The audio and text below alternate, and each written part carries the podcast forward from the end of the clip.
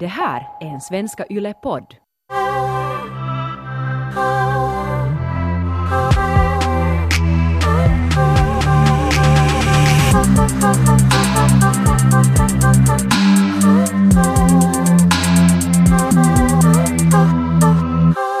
Ronja, jag läser nu en bok som heter I'm with the band och det är Pamela Desbarres memoarer egentligen. Hon var en, hon var en, um, eller hon är en legendarisk groupie som knulla loss på 70-talet.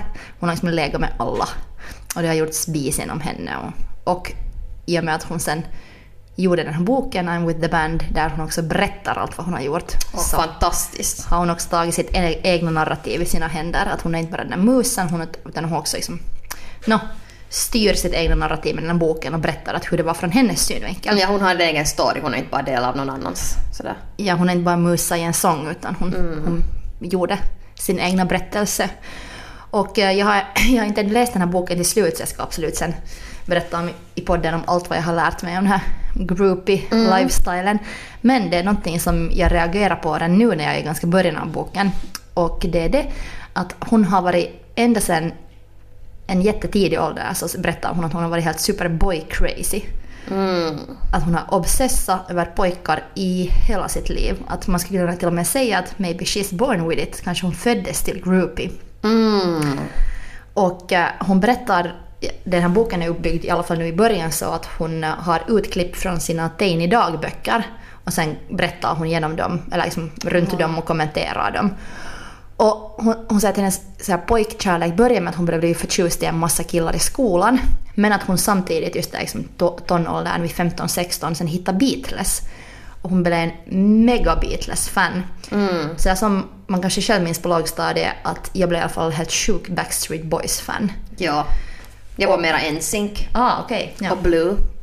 Men jag diggar också Blue nu, men, jag, men mest diggar jag Backstreet Boys. Sen bytte det alltid med att vem, jag älskar hela bandet, men sen bytte det alltid ibland så här, vem diggar jag mer? Att var det Brian eller Nick eller Kevin? Ja. Ja, så här. Och, och när Pamela berättade att när hon var 16, 15-16 och hittade Beatles och blev helt så här Beatles-head, så först var det Ringo som hon var helt obsessed med. Men sen blev det Paul, Paul McCartney. Och hon hade sina egna Beatles-vänner, men så hade hon också skilda vänner som hon alltid obsessade över en viss Beatle med. Hon hade här Ringo-kompis, hon hade en Paul-kompis. Det. Och det enda man gjorde tillsammans var typ liksom obsessa över det här bandet och över de här medlemmarna. Och så är det många av hennes tidiga så dagboksanteckningar så det handlar bara om så här, oj nej att, att hon hade läst någonstans att Paul var med Linda McCartney och kallade henne för pigface. Och jag bara sådär... Mm, att bryr... Att hur kan de skriva sådana här lögner? Att de söndrar mitt hjärta. Oj nej jag dör om någon tar min ring ifrån mig, om någon tar min Paul ifrån mig. Liksom. Det, en, hennes liv handlar bara om att, att vara kär i Beatles. Jag sa textbook fangirl belieber. Exakt. Och samtidigt försöker hon gå i skolan och, och eh, leva som... Försöker leva sitt liv. Ja men allt är sådär second till Ja. det här. Att, det där fandom, fa, att vara funny till det här bandet är det största. Och uh, där kände jag igen för att jag, nu var skolan viktig men redan på lågstadiet så började det bli för mig så att det som var larger than life var just No Backstreet. Backstreet Boys och sen också pojkar i skolan. Och den här Pamela berättade att, att hon då som skaffade till sig pojkvänner i något skede för att hon då måste också ha fysisk kärlek. Att det där, den här fantasin räckte inte bara. Men att hon ändå kände med sina första killar att hon ändå var mer kära i de här Beatlesarna. Men brukar du alltså ha riktigt sådär för att eh, jag brukar nog alltså såklart crusha nog på kändisar men sen också sådär att jag tänkte ändå mera på de där killarna på min klass som jag crushar på. Så brukar du ha så här dirtiga tankar om Nick Carter eller den Backstreet Boyen som du just då var kär i? Uh, nej, men jag minns att en av mina lågstadiebästisar, eller bra kompisar, så hon, hon var helt sådär Brian mega-fan. Och hon, hon var det på den här leveln. Hon blev också faktiskt musiker senare och sådär. Så att det kan det finnas någonting där. Men, men hon var helt... Hon var så förkrossad om Brian hade någon flickvän. Just det, det var man, man, liksom, man så här, tänkte sig att man, skulle, man hör ihop med den här kändisen då så Ja. det blir väldigt så personligt. Och hon fann inte också minst The Rasmus andra sådana band. och Hon liksom, ja, The Rasmus kanske blev hennes sen sådär närmaste poj- pojkvän. för jag minns att hon for sådär på keikan över, hon sa megafan och försökte, om de hade både en sommer i uppträdande i någon eh, gumtext så for hon dit i publiken och som Ja. verkligen sökte sig nära dem för att hon då var så kär i dem. Och det är ju taktiskt att fanitta ett band som är lokalt för Ja. då kan man verkligen se dem och komma lite närmare och lite sniffa på svettet och kanske så få kanske tafsa lite eller så. Men kanske det var därför jag sen koncentrerade mig mer på mina klassister på lågstadiet för att då Backstreet Boys ändå var så långt ifrån. Men här Pamela, som Pamela Des Barres, när hon berättade i sin bok om sina tidigaste male obsessions så hon alltså bodde i LA. Mm. Hon var född i LA och bodde i LA. Så där var det så mycket också band som uppträdde. Att när Ja. hon, sen efter Beatles så hittade hon Rolling Stones och började stalka dem. Så kunde hon verkligen stalka dem. Rent fysiskt. Ja, att hon berättar att, att hon eh, blev flera gånger utkörd av polisen för att hon hade sökt sig till någon, någons hotells bakgård. Och, och att, att hon Okej. stod alltid bakom backstage-dörren då när hon ännu var för ung för att komma in på den här venuen. Så hon sökte sig fysiskt nära. Just det. Så, så det, det lyckades. Det, till det skedet hann jag aldrig ändå komma för inget sådär finskt band var så härligt enligt mig.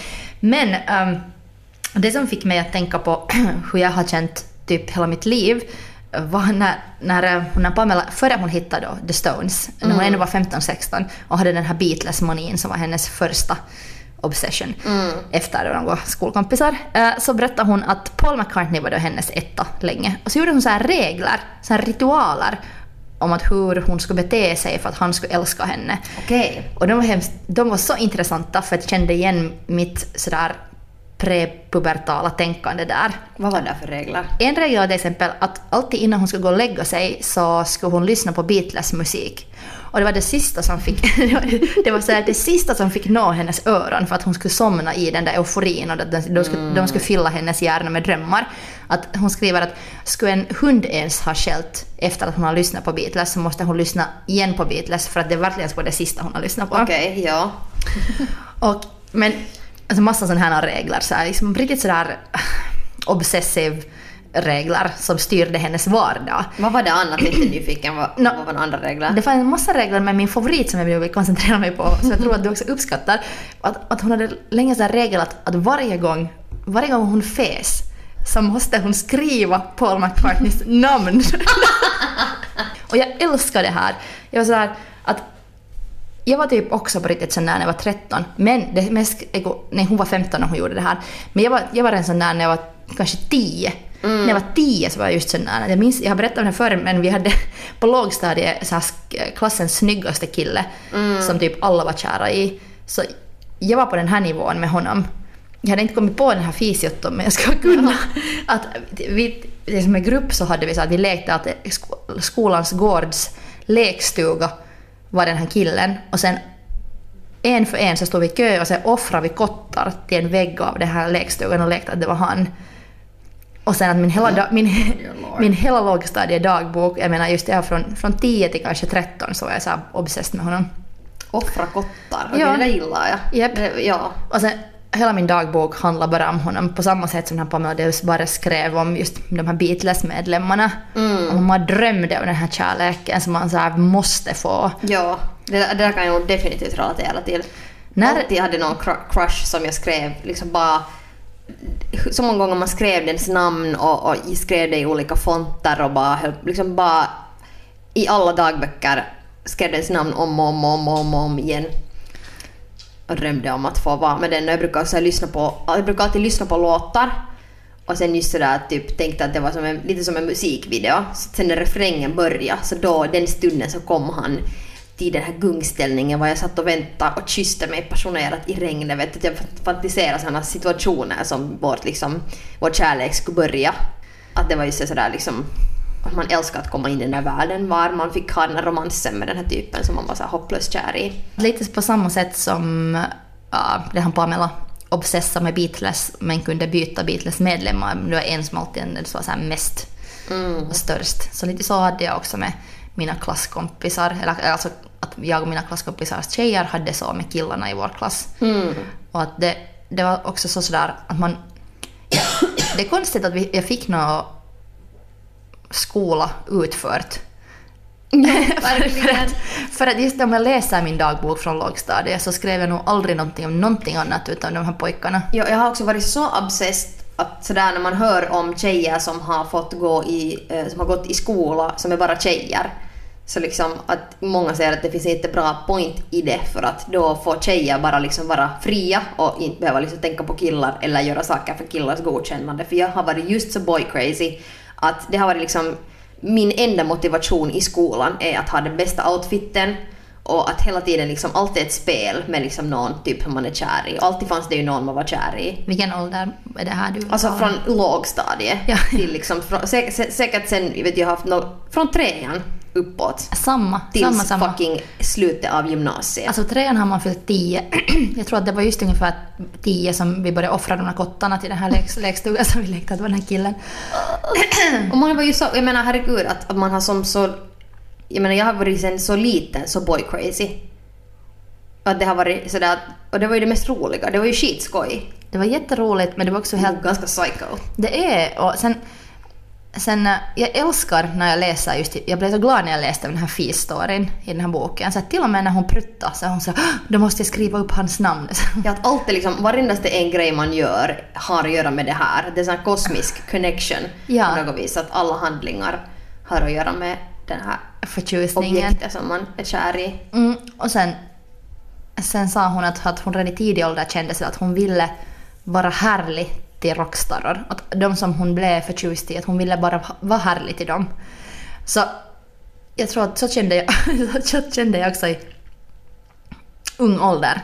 Inte kanske mer nu är jag mer så här, var härlig till mig, men, men det fanns en lång stund när jag var så att jag vill bara vara härlig till någon. Ja. Att, att ska jag ha levt under en annan tid så skulle jag kanske kunna mer glida in i så här groupie-tänkande. På något sätt så fascineras jag av sen sådana här stories. Jag sådär, älskar att känna igen mig, älskar att jag på något sätt blir inspirerad av det. Eller samma när jag läste Chris Kraus bok I Love Dick. Som, som handlar om en kvinna som heter Chris, och hon liksom skriver den sitt eget namn. Att hon, hon blir obsessiv, ob, sjukt obsessivt förälskad i en man som heter Dick. Och den här hela boken är bara så att hon skriver brev till honom. Och, och de flesta män som jag vet som har läst den här är såhär åh den är så störande, hon är så störande. Och de flesta kvinnor är sådär någon kan också finna henne störande men känner igen sig kanske mer i den där karaktären. För jag i alla fall första gången jag läste den, bo- läste den boken så kände jag igen mig sådär att sådär har jag varit typ hela mitt liv. Att det där är förtjusning för mig. Och att det första gången har hänt någon gång på för, i försk, nej inte förskolan, i för, vad hela lågstadiet. Att man har blivit så sådär att man binder sig på något sätt Jo, och det är så person. intensivt. Ja. Att det är sådär fucking psyko. Att hur jag har obsessat över killar. Det är helt galet. Och sen att, vet du, just någon kille som jag var jättekär i och sen så var den där grejen var liksom den där Eh, den där liksom jakten och det där liksom att öna här, det, här, det här är ju på femman nu. Så liksom då hade jag min första pojkvän, sådär, vad, vad det nu sen ska kallas. Uh, men sådär att var superkär och sen så äntligen fick jag honom och sen blev vi tillsammans efter så här massa drama. Uh, och sen, och sen, men sen efter några veckor, jag menar det kan vara en vecka eller det kan ha varit två månader, för mig känns det som ett år. Men sen var jag bara så att "Ah, han är så störande, han är så fucking irriterande, jag orkar inte. Och sen bara skickade jag med honom och såhär, är det slut med det, jag hatar dig, jag hatar dig. Och sen bara dumpa honom, helt så jättedramatiskt. Uh, och sen, sen blev han tillsammans med min bästa kompis. Och sen, sen var jag ju igen, ville jag ju igen ha honom. Och sen började jag igen den här långa processen av dramatik. Men det var alltid sådär super obsessivt och dramatiskt. Att det var inte bara sådär att åh, söt kille liksom, vad roligt, ska vi vara tillsammans och så småningom bygga upp till att våga, vet du, sådär, inte vet jag, någonting. Att det är så här lugnt, utan det är sådär fucking psycho. Men ja, så jag, jag har aldrig i mina liksom tonår eller så här pre-pubertala år varit kär i någon som det har bara varit så här low key, hihi vad kul. Utan det har alltid varit bara så här, jag måste ha honom. Samma. Och varför är det så? Så jävla dramatiskt. För att man inte kanske ännu har så utvecklade, utvecklade sätt att kommunicera eller ha förhållanden på. Men är det också sådär vet du, att hur vi lär oss om på något vis kärlek och att jag har till exempel jättemycket tänkt på det att när um, filmer som speciellt är riktade mot tjejer som var man ser kvinnliga leads i någorlunda starka eller vettiga roller eller roller som är uh, i huvudrollen överhuvudtaget. Så det har ju varit kärleksfilmer och såna alltid om romanser och jätteintensiva kyssar och sex och den mest perfekta partnern och allt sånt här. Och happy ever after. Och det är ju det som vi har vuxit upp med. Så det känns som att om vi ska så djupt analysera det, så det är ju det som det är det som vi växer upp att tänka att så är det att vara en kvinna och det är sådana saker vi ska tänka på är kärlek och romans och förhållanden. Så vi är så här brainwashade till det och sen alla tjejtidningar handlar om romans att få någon att flirta och sextips och allt sånt här. Så det är sådär inprogrammerat. Det är, men därför tycker jag också att det är, man ska få också vara det. Eller det är kanske det som att jag har lite som med så många saker som handlar eller som har att göra med att hur det är att vara tjej. Så att jag lär mig att jag har lärt mig att skämmas över att jag har en fitta. Jag har lärt mig att skämmas över att ha mens. Jag har lärt mig att skämmas att jag tycker om ljusrött. Jag har lärt mig att skämmas över allt det jag tycker om eller är jag. Att det är alltid lite dåligt. Så sen har jag lärt att skämmas över det att, att obsessa över kärlek eller obsessa över killar. Ja. Men det inspirerar mig så otroligt för att det är någonting som har varit jag hela mitt liv och som ändå har varit på något sätt just, just sådär gränsen till helt superpsyko och också sådär så konstiga saker. Och sen att, att jag kanske till och med länge har varit såhär oh my god att, att det där är så nolga jutton att jag vill inte stala om det där eller, eller jag vill inte att det där ska, nu ska jag ändra mig, jag ska aldrig vara sån där igen. Men sen om jag just läser om det eller, eller ser, till exempel när jag kollar på Sofia Coppolas äh, förra film, den här uh, som heter på finska Lummatut, på engelska The Begilded och egentligen en remake av en, äh, no, en manlig regissörs ganska sådär misogyna film som kom ut 66 så har hon då gjort sin egen spin på den här filmen, gjort den på nytt. Så där är en massa kvinnliga karaktärer och en man. Och en man kommer in i en situation med massa kvinnor och sen för mig handlar den här filmen i alla fall hemskt mycket just om det att, att hur alla kvinnor flippar runt den här ena mannen.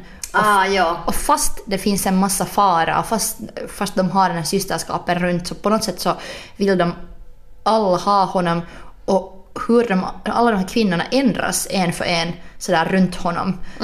Och där igen var jag såhär, ah, det, här, det här hände redan på lågstadiet, det här där redan högstadiet, det här var gymnasiet. Mitt hela, mitt hela liv har på något sätt handlat om female obsession och över, om det att, att, att på något sätt törsta efter det där ena som alla andra också vill ha. Och sen såklart man ska lära sig bort från destruktiva mönster och så men, men samtidigt tycker jag det är liksom sjukt inspirerande. Alltså verkligen. Jag bara känner sådär att nu, jag förstår det nu.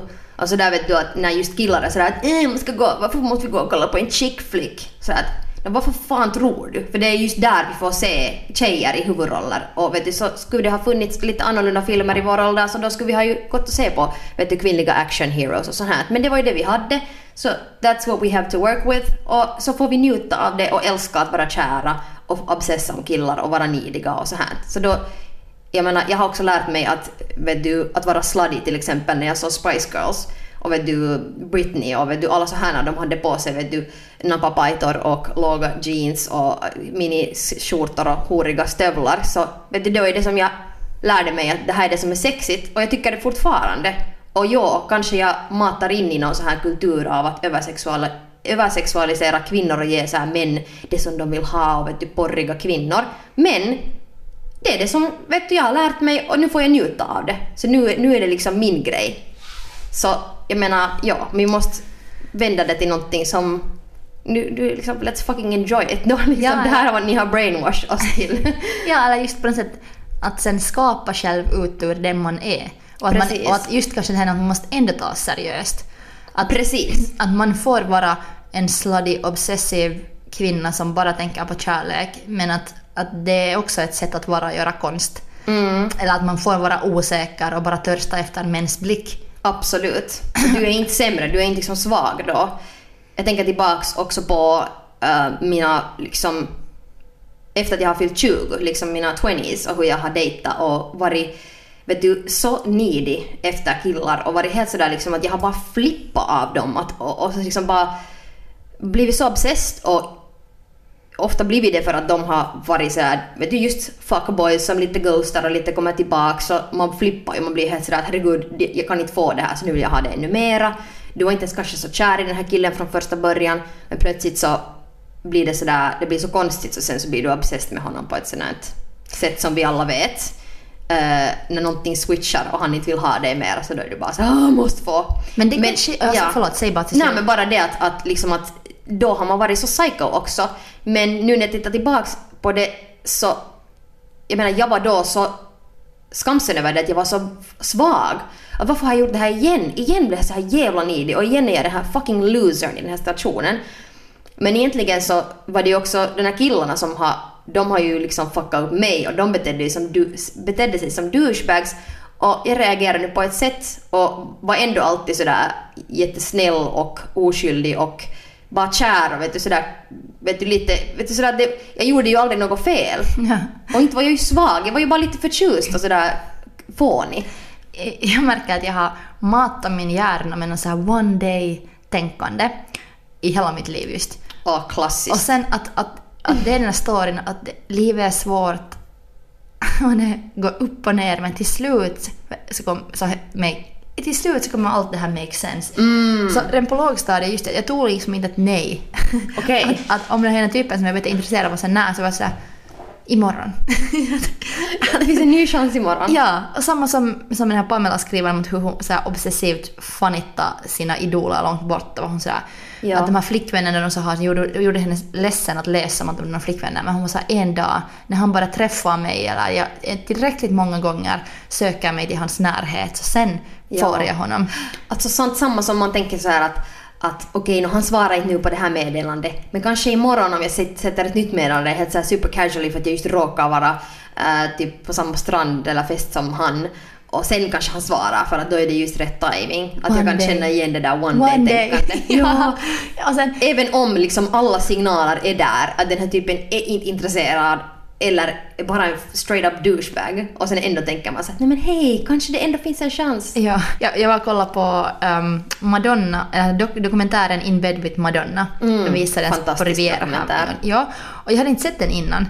Och, um, det var så många fantastiska scener, men kanske min favoritscen var där när hon um, berättade till sin kompis att hon, är så, hon har just slut, gjort slut med Warren Betty som hon dejtade då. Och eh, hon var någon 20 någonting. Och sen säger hon att, att hon, har ingen, det finns, hon har träffat alla i världen. Att världen är så liten att det finns ingen som av henne men det finns nog en. Kommer hon sen fram till. Antonio Banderas. Aj, att hon, har, hon har sett alla hans fil, filmer och han verkar vara så mystisk och snygg och härlig att bara hon ska kunna träffa honom. Jag kommer inte alls ihåg den här gottan. Och sen träffar hon honom. Det är en dinner som Pedro Almodovar, en filmregissör, har. Och så är det både Madonna och eh, Antonio Banderas där. Och sen sitter, Ma- eller så träffar Madonna Antonio, men det finns en liten grej. Antonio har en fru. Och den här frun är med på den här dinnern. Och sen är Madonna Madonna och är så härlig under dinnern. Så här, fan, att nej. Och så skämtar hon till och med om det så här högt där. Du har en fru, vad fan. Och så här, liksom flirtar så här törkigast när frun sitter bara i samma bord.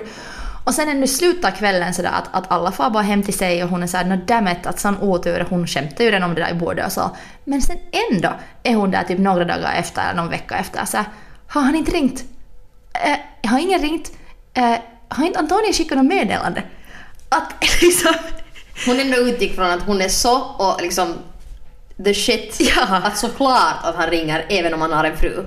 Och det här har ju nog hänt sen senare, du vet Guy Ritchie eh, som dejta, en regissör som Madonna, eller var gift med Madonna.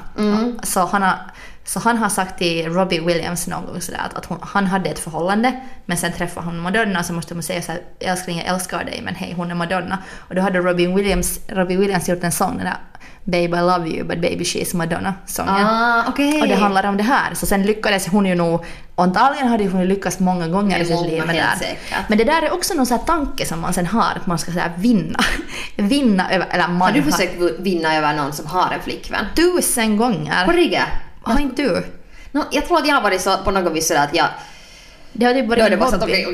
Det har typ varit min hobby. Men, men, men inte, inte försökt vinna över men säkert vet du nog vet du, gått till en vässa och gråtit för att jag har insett att den här typen som jag har just fantiserat om vår framtid tillsammans, våra, liksom, hur vi ska gifta oss, hur vi ska kyssas och ha sex och allting och sen har han en flickvän och jag bara så herregud liksom att man har redan haft ett förhållande med den här människan och sen inser man att ah, den har en flickvän och jag har inte ens tagit reda på det ännu och nu är jag fucking heartbroken. Alltså, Jag har inte kanske varit tillräckligt självsäker för att, för att försöka på något vis. det har inte lyckats liksom en enda gång kan jag Ja. berätta här. Men jag har försökt och eh, sen är det också att, att inte hade det kanske varit den enda typen jag har försökt. Att som Pamela Desbarres i den här boken I'm with the band, så nu skaffade hon sig också innan sen hon blev groupie full time, så nu hade hon pojkvänner. Men hon ändå drömde om den här Beatles och Rolling Mm. Det fanns alltid någonting bättre än de här basic killarna. Ja, så det där känner jag också igen.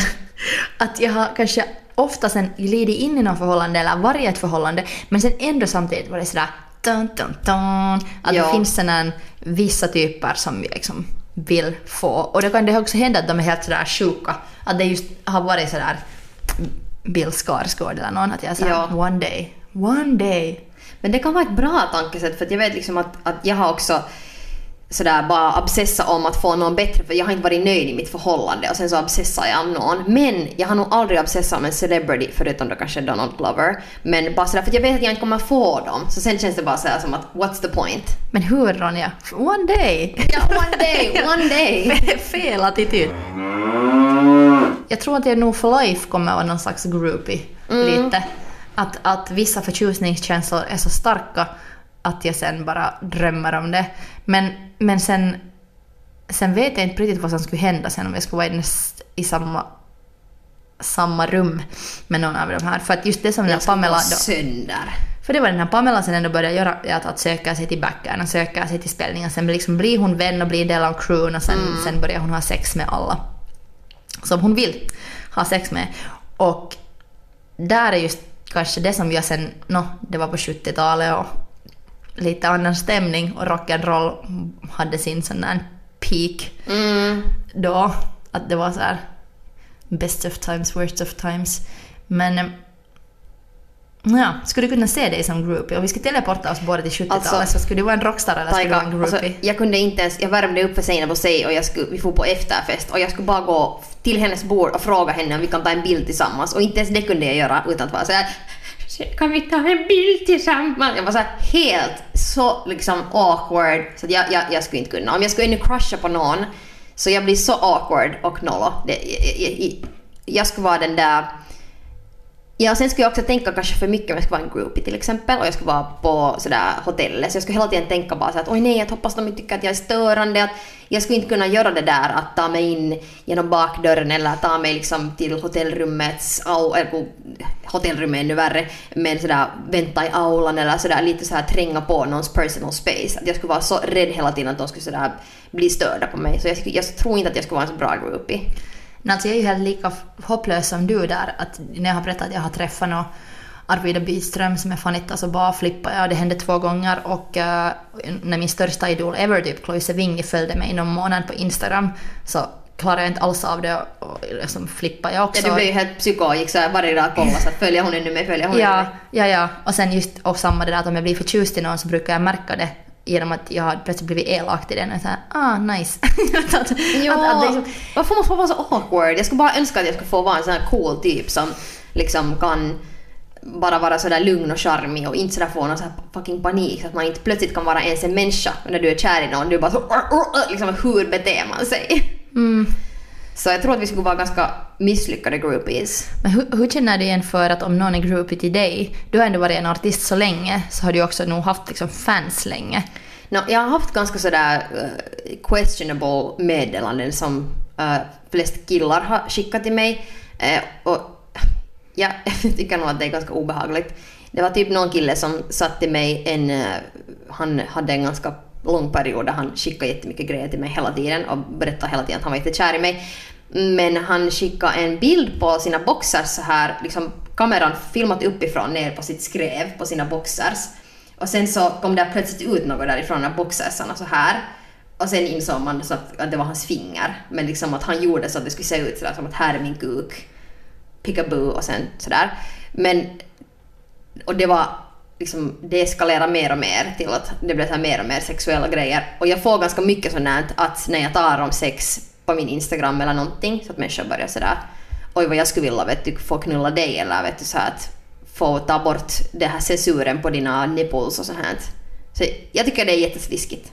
Okej, du är aldrig sådär jag ehm, kom hit. Hej, ska vi träffas på eh, Kolme-Kajsa? Nej men för till exempel Nej. alltså, eh, Pamela de Bars berättar att, att um, när hon då en en av sina första sådär Rolling Stones stalkgångar innan hon liksom blev innan hon blev en legendarisk groupie så hade hon just stalkat Mick Jagger ganska hålala. Och i ett skede hade hon knackat på hans dörr sådär flera gånger under samma kväll att hon hade redan blivit bortschasad en gång. Och sen på något sätt öppnade han en dörr naken bara för att chockera sina fans och så, men han var nog på något sätt alltid jättesnäll. Alltså, en- ja, att han kanske lite spelar med dem. Ja. Det har vi också tidigare nu innan Instagram och innan sociala medier. Ja. Att då, då, då kunde han ju inte göra det där teasande på ett annat sätt. Att då, då var det just bara det där in real life. Allt var face to face. Ja, Ja. Så, och så, men, men hur han liksom talar till henne, i alla fall då enligt henne i hennes egna bok, så det är just så att hej, att nu är det dags för dig att gå hem du vackra flicka.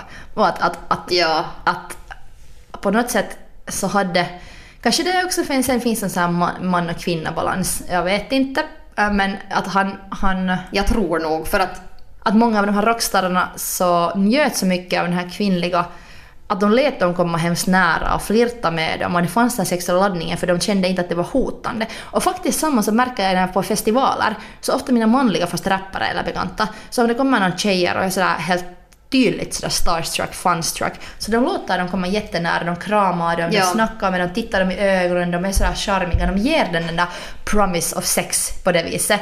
Ja, någon, någon flirt. Ja, medan själv om någon kommer så nära kan jag bli så här öh tack, hej, moj. Alltså jämt Men- stänger jag mig. Ja, och kanske just, jag, jag menar jag tycker, jag tycker att män, jag är lite rädd för män hela tiden. Alltså, Samma. jag, jag är liksom rädd för män så därför, för mig känns det så mycket mer skrämmande när någon kille är sådär, Äh, liksom börjar bli sådär, du vet, så här äcklig på Instagram eller ännu värre så face to face. Så då vill man ju bara liksom undvika det. Men typ sådär vet du, jag hade någon spelning var det var en sån scen var det inte fanns liksom någon barriär mellan scenen och mig. Och då fanns det liksom ett par eh, tjejer där i främre, främsta raden. Så gick jag liksom och tog i deras hand och en tjej liksom släppade mig på rumpan. Och jag tyckte att det var liksom bara roligt. För att det kändes inte, jag var inte som rädd för dem. Och det är ju helt sådär för att killar är ändå killar och sådär. Det, det, Nå, jag är rädd för dem. Så det är inte alls lika roligt om jag skulle inte vilja att de släpper min revir. Det skulle inte vara OK. Så att, double standards men ja. Mm. Nå, de få gångerna jag har fått någon så här creepy meddelanden på Instagram, mina följare är ganska snälla, eller mina följare, mina vänner och sådär be, bekanta och följare är ganska snälla på Insta. Men när någon gång har fått någonting så har jag ofta kanske sen bara inte svarat eller raderat Ja. dem där och sen har någon gång inte varit såhär här. hallå, hallå, att, att jag kan bara tänka mig också vad som händer i eller så obsessed som jag har varit just i någon manliga kändisar, men det, de har varit så långt så jag har aldrig tagit det här steget. Att jag sådär, Mm. Men i och med att nu är det så lätt så fan vad det skulle vara intressant att se sådär kändisars DMs bara. Att på allt som, Herregud, tänk hur mycket liksom helt galna grejer där är. Jag kom faktiskt på en grej, annan grej för, från, eh, från en, en spelning som eh, det var en tjej och en kille i främsta raden och eh, de var väldigt into it och hon speciellt var, de, liksom, hon såg så kåt ut hela den här kejkan hon ville liksom röra mig och allting. Och sen eh, efter spelningen gick jag backstage då och sen fick jag då meddelande från den här tjejen som då bjöd mig till en trekant. Och killen skickade genast meddelande att hej svara till min tjejs meddelande. Eh, men hon var, ju, hon var ganska eh, full. Och, men det som hände, hände med henne, då, hon var creepy as fuck och det var lite skrämmande. Men hon bad om ursäkt nästa dag. Aha, okej. Att förlåt för de här creepiga meddelandena, du var superbra men liksom sådär att förlåt jag liksom lite sådär overstepped the boundary. Men det har aldrig hänt med en kille. Att de ska be om ursäkt. Mm. Ja, ja. Att vara fucking creepiga och sen be om ursäkt. Ah, ja. Så, ja.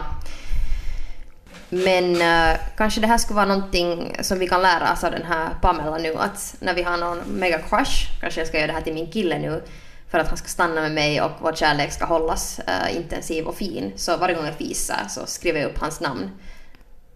Jag tycker samma. Att kanske det är någon sån love magic spell. Alltså definitivt, jag menar det verkar som att det har funkat för henne för att hon har knullat en massa groupies så... Nej, Rockstar, hon var en group. Aj förlåt, jag menar ja, sorry, att tvärtom, hon har knullat en massa Rockstars. rockstars. Ja, kanske det här är nyckeln. Men redan på lågstadiet skulle jag insett det här det är bara fis och sen skriva förtjusningens namn så skulle mitt liv kunna vara så annorlunda nu. Verkligen, fan du mockataika. Jag skulle kunna skriva en bok I'm with the lågstadie sweethearts. ja, men jag tänker nog börja, alltså någonting tänker jag börja skriva varje gång jag fisar. Jag tycker Eller det är varför- skitbra. Man kan bara skriva sådär att hmm, köp mjölk. Ja, Ja.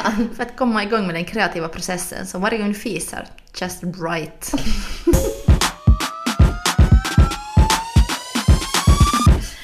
Okej, ska vi ta veckans du? Du. Uh, no, det här är sådär tips till mig själv mest men skäms inte över de sakerna, eller hur ska jag säga det här? Var inte rädd för att göra konst utav det du skäms för, för att de sakerna är hemskt ofta linkt. Ja. Att- Och det är ett perfekt sätt att behandla grejer. Ja, och hur mycket man kan ins- inspireras av just på något sätt de mörkaste eller konstigaste känslorna eller tankarna som någon annan har. Att, att på riktigt den här ena prutt-regel, ritualberättelsen, den inspirerar mig så jävla hårt. Ja, och det behöver inte ens vara om man inte gör konst, så vet du, just någon sån här grej att ett dagboksinlägg, eller sen bara att bara fila det där, det som är det mest creepiga i dig. Som man bara på något sätt, okej fan vad jag är creepy, nice. Förutom om du liksom stalkar någon och tar sig in i någons lägenhet, så då ska du kanske check yourself, men så normal level av creepiness är jätteok. eller börja skicka en massa dickpics eh, och liksom man bara fan vad jag, ja, fan vad jag är nice. Don't do it. Don't do it. Um, min du... Tänk om man ska vara såhär, varje gång man fisar så tar man en tatuering. Alltså jag skulle vara, jag skulle vara liksom täckt i ink just nu, jag skulle vara liksom lila. Ja, samma. Eller ink är inte lila, herregud, det är inte bläck... bläck uh, whatever. Nåja, okej, vad ska jag ha för du? Um, men du sa den egentligen, det som jag också tänkte på, det här man inte ska skämmas över det här liksom tjejiga egentligen, som jag tänkte på. Ja. Um, Kanske, kanske vår veckans gemensamma du då kan vara att skäms inte över det som inspirerar dig och det som intresserar dig. mm, precis. Att om det är att obsessa över något killar eller om det är att tycka om färgen ljusrött eller någonting helt annat så, så låt, låt det också vara en del av din identitet. Ja, så att whatever gets you through the day, om det är en crush eller en chick flick eller något helt annat, så vet du, fan vad nice. Det är ju liksom allt sånt här som ger energi, alltså hur mycket sprutt jag har fått i livet av mina crushes. Så att nu har jag varit också obsessiv och kanske emellanåt styrd av osäkerheter och alla möjliga misogyna samhällsstrukturer som har fuckat upp mig helt totalt. Men okej, just fucking roll with it. Så ja, låt ditt, din eh, psykiska sida empowera dig. Bra. Men vi tackar för oss. Um, skicka in era stories om ni har såna. Eh, har ni har någon sån här psykostund som ni har upplevt när ni har varit bara helt okej okay, bitch I need to check myself för nu var det så här ny level av psykones. Så skicka till oss. Men tack Ronja! Tack Taika! Kom ihåg att- go fuck yourself!